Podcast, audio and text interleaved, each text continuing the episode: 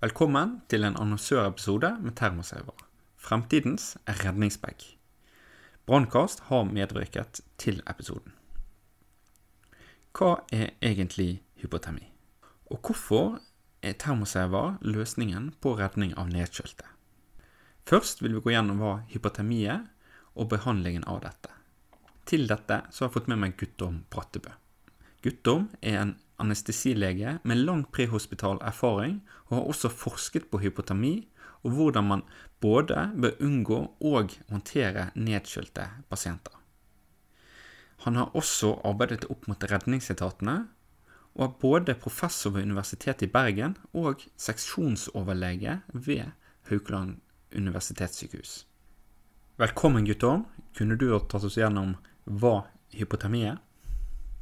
Ja, Hypotermi det er jo sånn kort sagt eh, nedkjøling.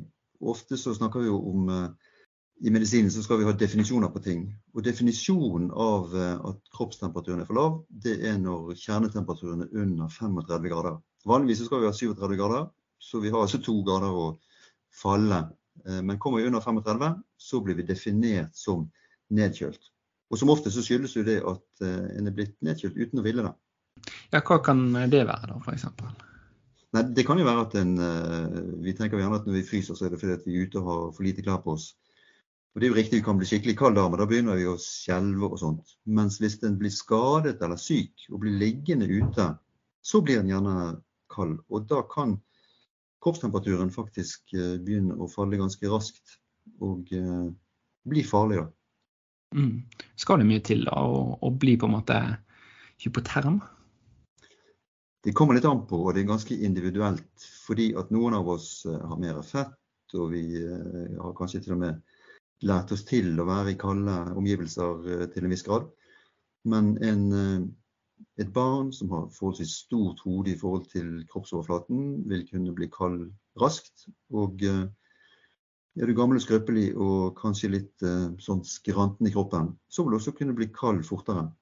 Og hvis du er våt, så blir du kald fortere. Sånn at det er flere ting som kan gjøre at nedkjølingen av kroppen går raskere enn uh, hos en person sammenlignet med en annen. Men kanskje det viktigste forsvaret som kroppen har for å hindre nedkjøling, det er jo, som vi alle har merket, at når vi begynner å føle at det er kaldt, så begynner den å skjelve.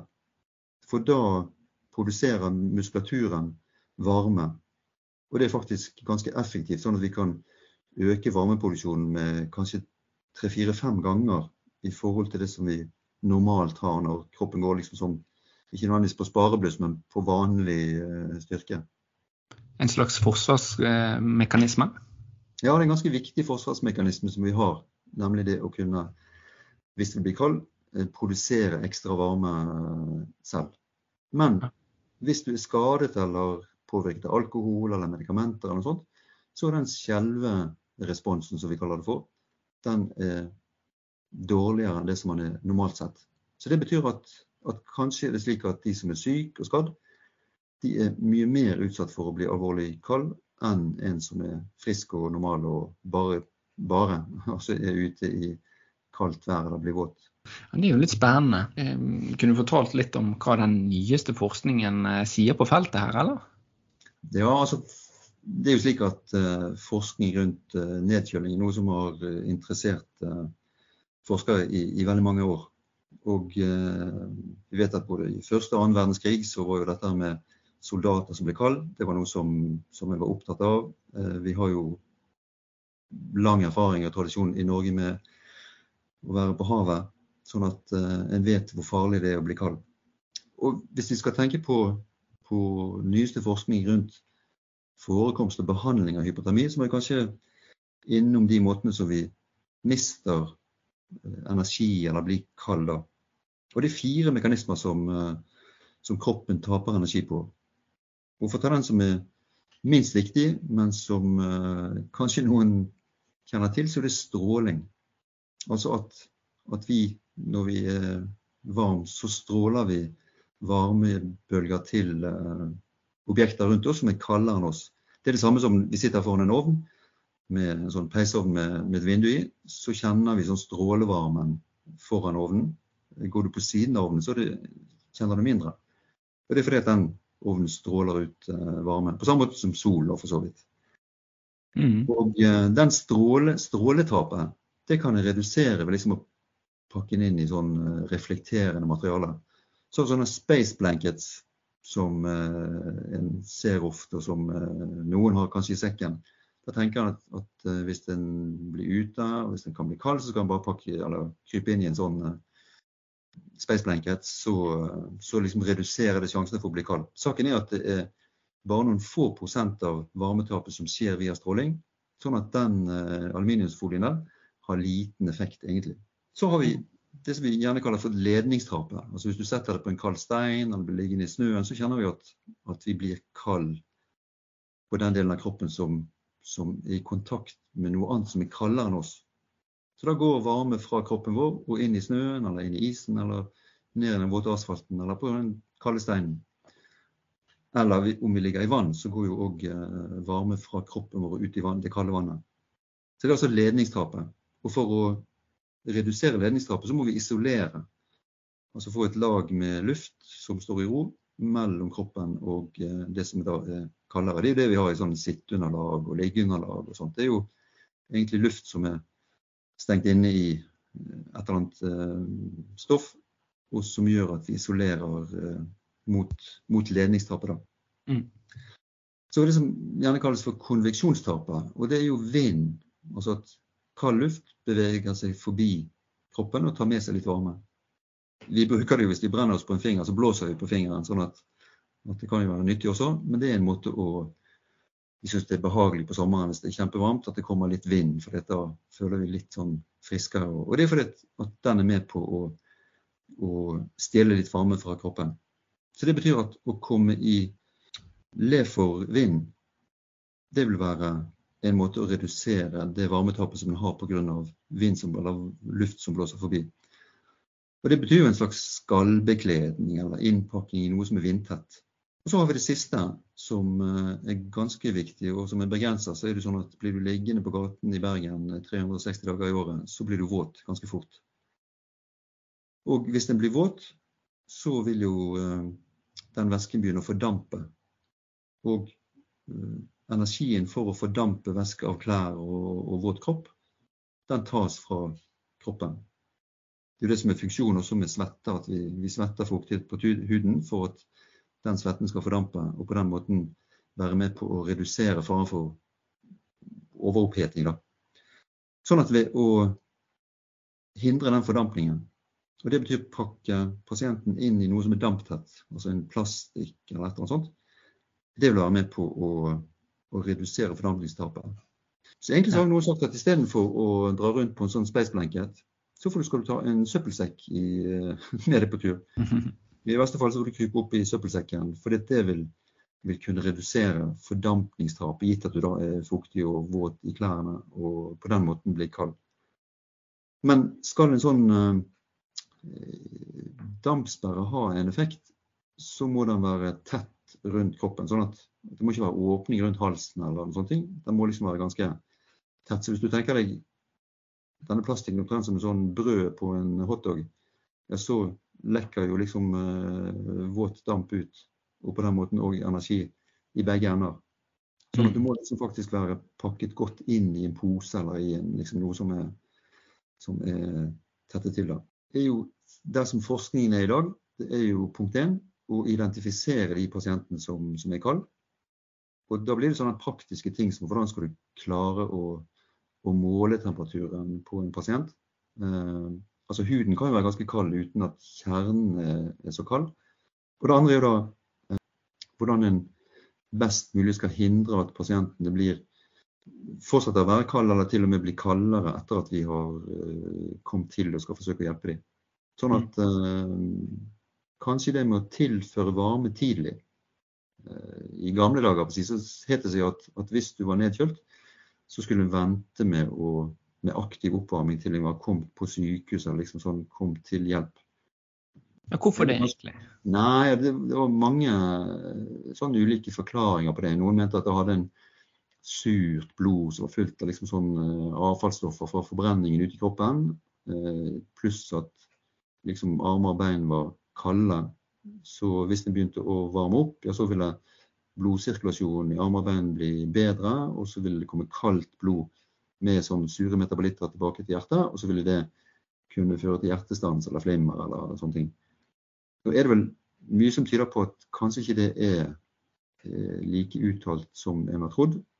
Og har du mistet energi og blitt kald, ja, så er eneste måten enten at kroppen selv eh, produserer energi og få, få liksom kjernetemperaturen til å stige igjen, eller at den tilfører det utenfra.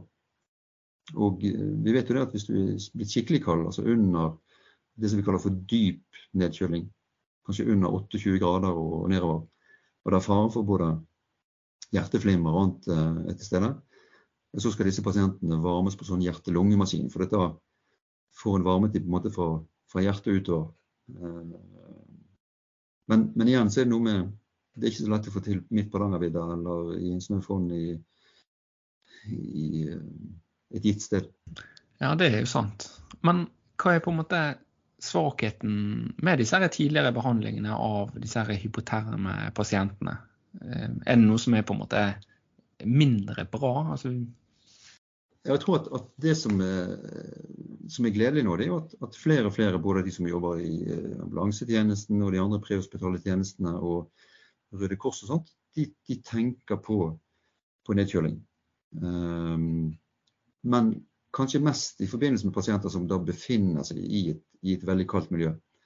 Uh, altså en er tatt opp av uh, vann eller ut av en elv, eller blitt liggende ute fordi at en har drukket for mye eller slått seg eller noe annet. Da tenker en gjerne på nedkjøling, og det er viktig. Men mm. en bør tenke på nedkjøling på alle pasienter. Hvis du er en gammel, skrøpelig dame som har ramla og hjemme i leiligheten knekket lårhalsen og blitt liggende på gulvet i noen timer, så vil jeg nok tape kroppstemperatur så lenge ikke omgivelsestemperaturen liksom er over kanskje 28 grader. Og, sånt, og så varmt er det vel ingen som har det hjemme. Sånn at for de fleste blir du liggende på gulvet hjemme, så kommer du til å bli kald. Fordi at omgivelsestemperaturen er kaldere, du ligger på et kaldt gulv, og, eh, og liksom du er utsatt for de samme nedkjølingsmekanismene som vi snakket om i sted. Mm. Det å, å, hele tiden tenke på hvordan skal vi pakke inn pasienten, hindre at en både taper eh, energi til underlaget, til vind og vær, og eh, hvis den er fuktig eller sånt, at ikke en taper eh, varme pga. fordampning fra, fra vått tøy. Da. Så det å ta av det våte tøyet på pasienter, det bør en gjøre dersom en har mulighet for det. Mm. Altså, Hvordan bør man egentlig behandle pasienter eh, som er hypoterme? Hvordan skal de behandles? Kommer man til en pasient som en tror er skadet eller syk, så er jo det å ringe 113 og melde fra om hva som har skjedd, og, uh, sånn at en kan få hjelp. Det vil jo være ekstremt viktig. Så er det jo den generelle førstehjelpen som vi snakket om, med friluftveier, stoppe blødning som en ser, uh, og uh, leire pasienten på en måte der, der vedkommende syns at det er greit å puste. Ehm, det er det du kan gjøre. Og så er det det å, å forsøke å pakke inn pasienten i noe som er isolerende, noe som er damptett og vindtett, og ikke glemme hodet. Uh, ofte så tenker jeg liksom på, på, kroppen som liksom, uh, det som er fra skuldrene ned eller halsen og ned. Men det å lue på pasienten og sånt kan være med på å redusere nedkjølingen fra, fra kald vind og sånt. da. Og hvis en da kan få pasienten i, inn i, i, le, altså le for vinden, om det er i telt eller om det er innomhus, det vil jo også redusere det varmetapet som vi har pga. vind og vær. da, sånn sett. Mm. Og så må vi vurdere hvor hendene er og hvor lang tid det er til, til hjelp kommer, i forhold til om en skal ta av vått og kaldt tøy og erstatte det med varmt og tørt tøy. For å redusere risikoen for hypotermi og konsekvensene av dette, så har termosever laget en redningsbag som skal gjøre jobben mye lettere. For å vite mer om denne redningsbagen, så har jeg fått med meg Tore Høyfødt, som skal fortelle litt om hvorfor termoseiver er løsningen på redningen. Velkommen, Tore. Takk skal du ha. Så hvorfor har eh, dere laget en eh, slik eh, redningsbag? Eh, det har en lang historie. Det, det, var, det startet med at eh, 330-skvadronen i Banak eh, tok kontakt med Sintef og, og, sa at de har mye redningsutstyr for hypotermi, men de ville veldig gjerne at Sintef så på muligheten til å utvikle et nytt type utstyr som var mer effektivt og lettere å bruke i felt.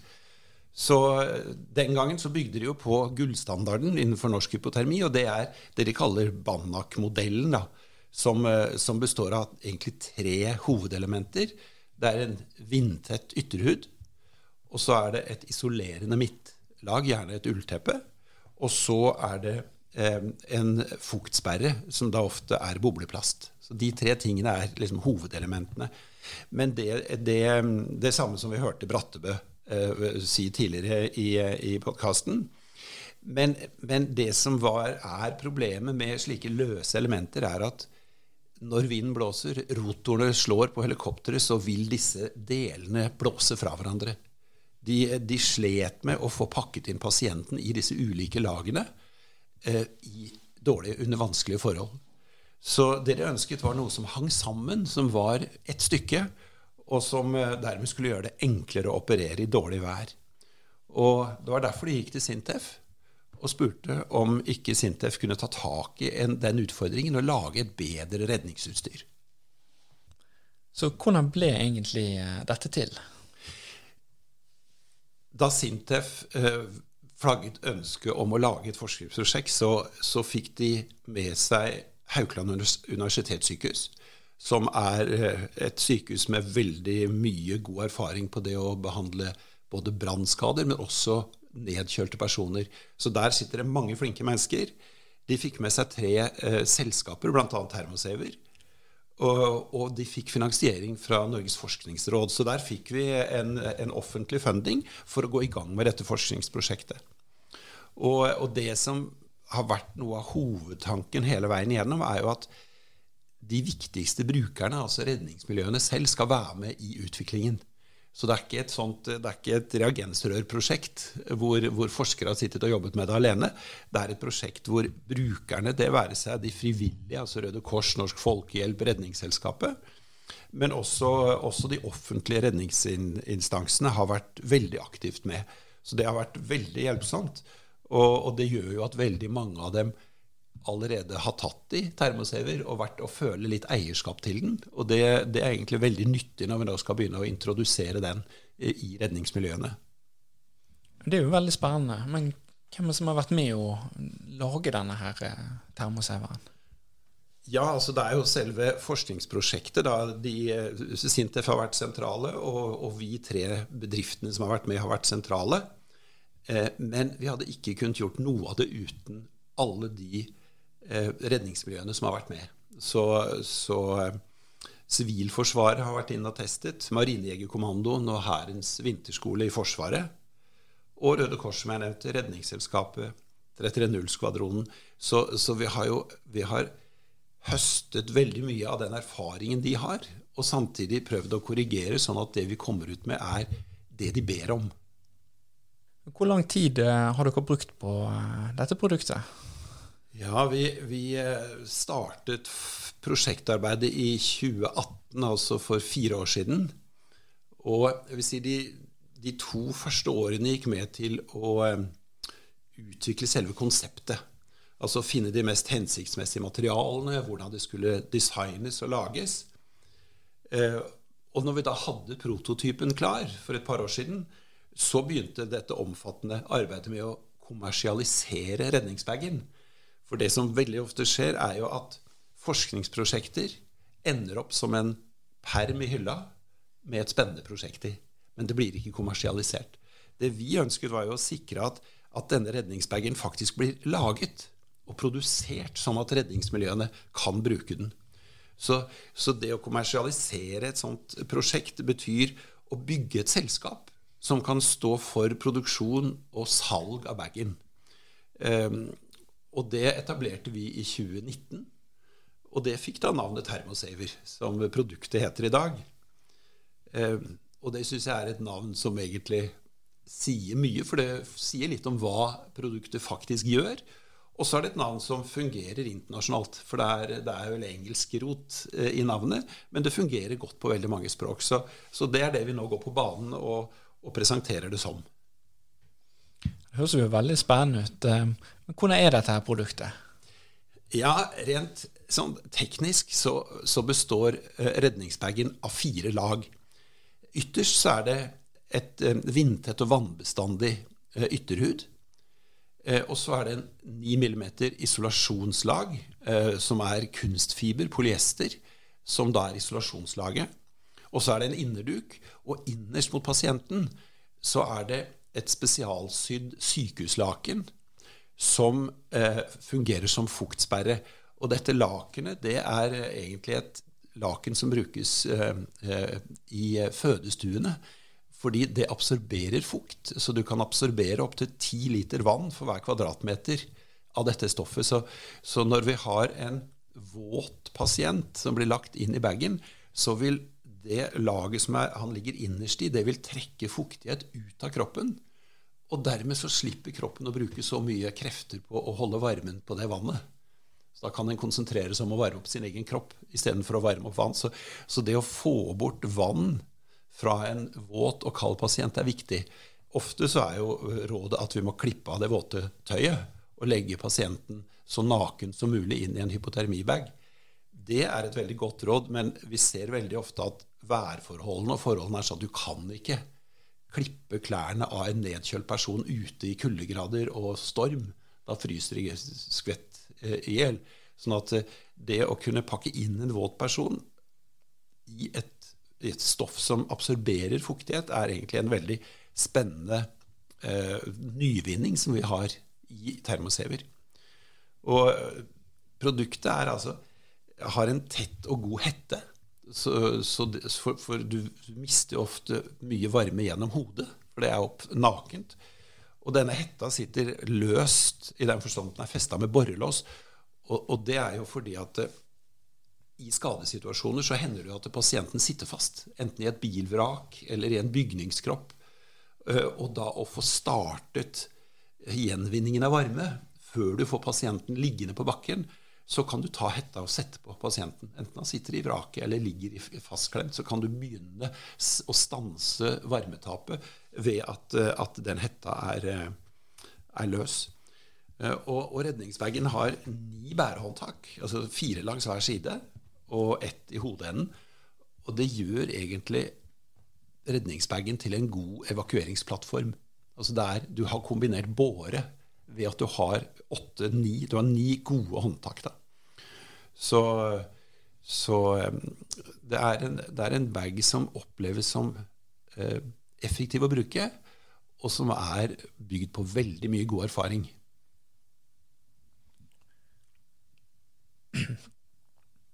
Det høres jo egentlig veldig bra ut. Eh, så hva er egentlig fordelen med dette produktet? Jo, det som, det som skiller Termosaver fra eh, de andre hypotermikittene som de har, enten det er på sjøen eller i, i brann og redning, eller om det, er, om det er i luften, det er at Termosaver er lett, liten og rask å bruke. Så det å, å, ta vare på de fordelene med, med, en redningsbag er veldig viktig. fordi i en ambulanse er det liten plass til å ha forskjellig utstyr. I helikopter er det liten plass. I en, i en, eh, i eh, en redningsbåt er det liten plass. Så, så, så, det at den er liten og lett, er veldig viktig, og at den er rask å bruke. Og vi, vi hadde et, eh, et, team oppe på Sjusjøen i vinter som testet redningsbagen.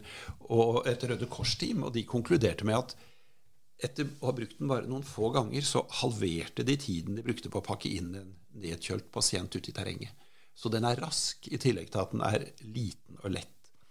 Eh, og det som vi var innom i starten, av termosever, den er laget i ett stykke, sånn at alt henger sammen. Og dermed blir den effektiv å bruke under eh, vanskelige værforhold med mye vind. Så med ni bærestropper da, så er den en rask måte å få en skadet person ut av et kritisk område på. Um, isolasjonsevnen er dokumentert da, på, på, laboratoriet til Sintef i Trondheim. Og fuktabsorberingen bidrar til at pasienten kan bruke kreftene på egen kropp, og ikke på å varme opp vannet rundt seg.